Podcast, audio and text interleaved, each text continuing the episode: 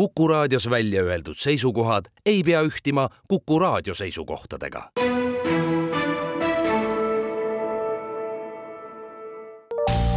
terviseks.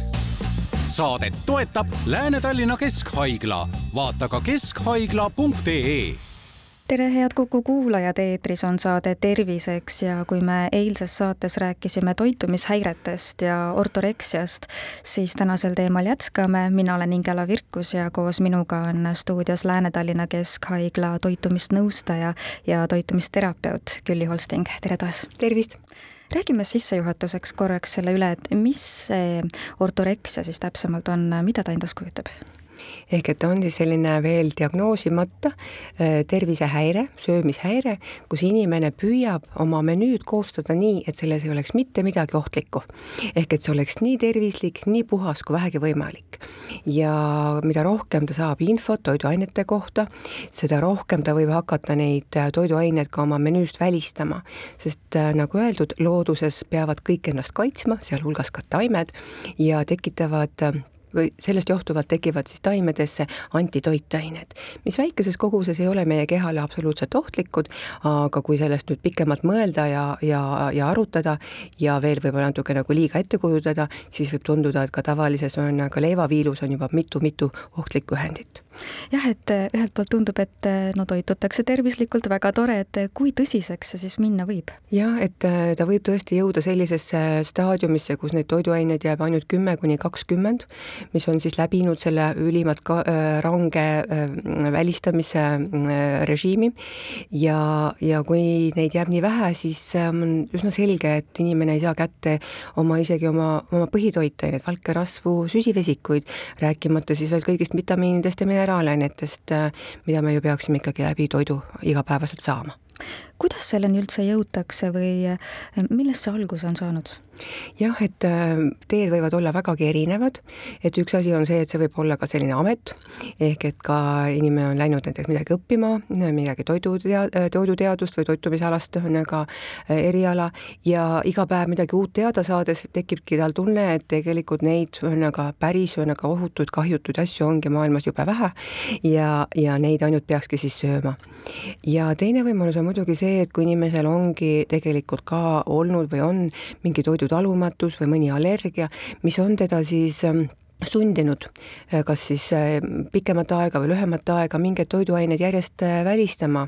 ja ka kahtlustama igat uut toiduainet, kas seal sees on näiteks ühesõnaga ikkagi mingit midagi piimast või midagi nisust. Ja, ja selline natuke jah, selline keeruline olukord, kus inimene peab olema küll tähelepanelik, võib samamoodi kaasa tuua sellise äärmusliku valivuse ja, ja tänu sellele siis äh, see toiduainete hulk järjest väheneb ja väheneb. kas see peamine probleem või võib-olla isegi sümptom ongi siis see, et äh, hakatakse aina vähem äh, mingeid toiduaineid valima, lõpuks ei saada piisavalt vajalikke toitaineid kätte või sinna juurde käib ka see, et kui võib-olla natukene nii-öelda nende jaoks siis patustatakse, siis kohe minnakse trenni ja võib-olla ka selle aktiivsusega nagu kuidagi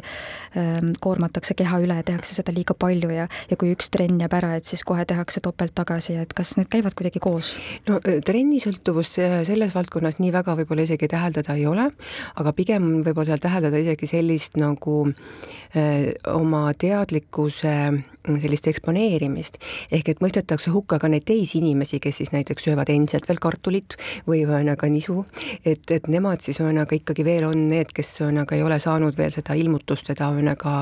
viimast kõige õigemat teadmist, ei ole lugenud veel läbi kõiki neid teadusuuringuid, mis selle valdkonnas kõik on nagu tekkinud, ehk et ta võib sattuda ka konflikti oma perega näiteks või oma lähedastega, et täpselt samamoodi võib olla ka selline, selline ilming sealjuures. ja kui ollaksegi kogemata patustanud, siis võib-olla veel ühesõnaga minnakse veel rangemale, tehakse veel üks paastukuur, tehakse veel üks detokskuur, et veel sellest ühesõnaga halvast ainest oma kehas siis võimalikult ruttu veel ka lahti saada. kui te mainisite, et võib-olla üks selline grupp, kellel on selle tekkeks suurem soodumus, ongi just toitumisnõustajad, kes teavad selle valdkonna kohta rohkem, siis kuidas nemad jõuavad sealjuures nagu abini, kui nad justkui on seal sees, nad arvavad ja on väga veendunud, et, et see kõik on väga õige, nad teavad väga hästi, mida nad teevad, et kuidas võib-olla siis lähedane oskaks suunata teda abini, kui ta ise pole valmis seda endale tunnistama, seda enam, et te mainisite ka, et võib-olla tekib seal lä-, lähedastega selle tõttu ka konflikte ja, ja selliseid tülisid mm. -hmm. et loomulikult jah, sellise ärevuse ja sellisena ka ju märkab tegelikult iga nagu lähedane ära, aga üldiselt küll vähemalt toitumisnõustajad, terapeutidel on ka oma kovisioonid, ehk et just sellised on ka praktikad, nii nagu ka psühholoogidel, ehk et tegelikult on aga märgata ka oma omaenda tervise ja omaenda ka käitumise selliseid märke. aga, aga jah, et kui inimene tõesti on aga ise seda ei märka, siis loomulikult lähedastel on siin see suur roll või ka siis kolleegidel, kellega ta näiteks koos töötab kelle poole siis äh, tasuks pöörduda, et äh, natukene arvutada seda lähemalt läbi, et et kas see on ikka kõik õige, mis ma teen või äkki mul võib olla ortoreksia? Jah, et, et esimene asi on võib-olla tõesti ühesõnaga võttagi siis ühendust mõne toitumisnõustaja või terapeudiga, kes ei ole teie sõbranna ega tuttav ja, ja, ja täiesti sellisel erapooletul inimesel lasta siis näiteks oma, oma menüü korraks nagu läbi analüüsida ja vaadata, et, et kas sealt võiks midagi sellist kuidagi nagu välja paista. aga jah, et võib-olla ka ise nagu lugeda kokku, et mitu erinevat toiduainet siis ikkagi menüüsse veel jäänud on. kuidas seda siis nii-öelda nagu välja ravitakse või sellest äh, üle saada mm? -hmm. ega jah, siin selles mõttes mingit otsest ja õiget ka sekkumise ja raviskeemi loomulikult ei olegi, et tulebki lihtsalt on aga veel kord vaadata üle need toiduained ja need põhjused, miks nad on siis välja jäänud, kas tõesti nendest toiduainetest on tekkinud mingisuguseid terviseprobleeme, mingeid ebamugavustundeid, midagi muud sellist ja neid ikkagi tasahilju öö, oma menüüsse on aga tagasi võtta, võib-olla alustada väiksemate kogustega ja siis minna suuremate juurde, aga jah, et taastada jällegi oma menüü mitmekesisus ja miks mitte ka hooajalisus, ka siin on võib-olla sellest ka mõnikord kasu, kui sellele rohkem tähelepanu pöörata. milline roll siin psühholoogil võib olla veel juures oleks või kas peaks olema veel mõni erialaspetsialist, et äh, eelmises saates käis meil läbi ka see, et äh, toitumishäired on äh, väga palju seotud ka just psühholoogia valdkonnaga. just, et ega ka toitumisnõustaja ega terapeut üksinda ei peakski toitumishäirega üldse tegelema, et alati peaks meeskonnas olema psühholoog ja, ja loomulikult ärevus ja kinnisideed on kindlasti need, need teemad, millega psühholoogi juurde võib julgesti pöörduda aitäh teile saatesse tulemast, Lääne-Tallinna Keskhaigla toitumisnõustaja ja toitumisterapeut Külli Holsting ning palju jõudu ja jaksu teile! aitäh! terviseks saadet toetab Lääne-Tallinna Keskhaigla, vaata ka keskhaigla.ee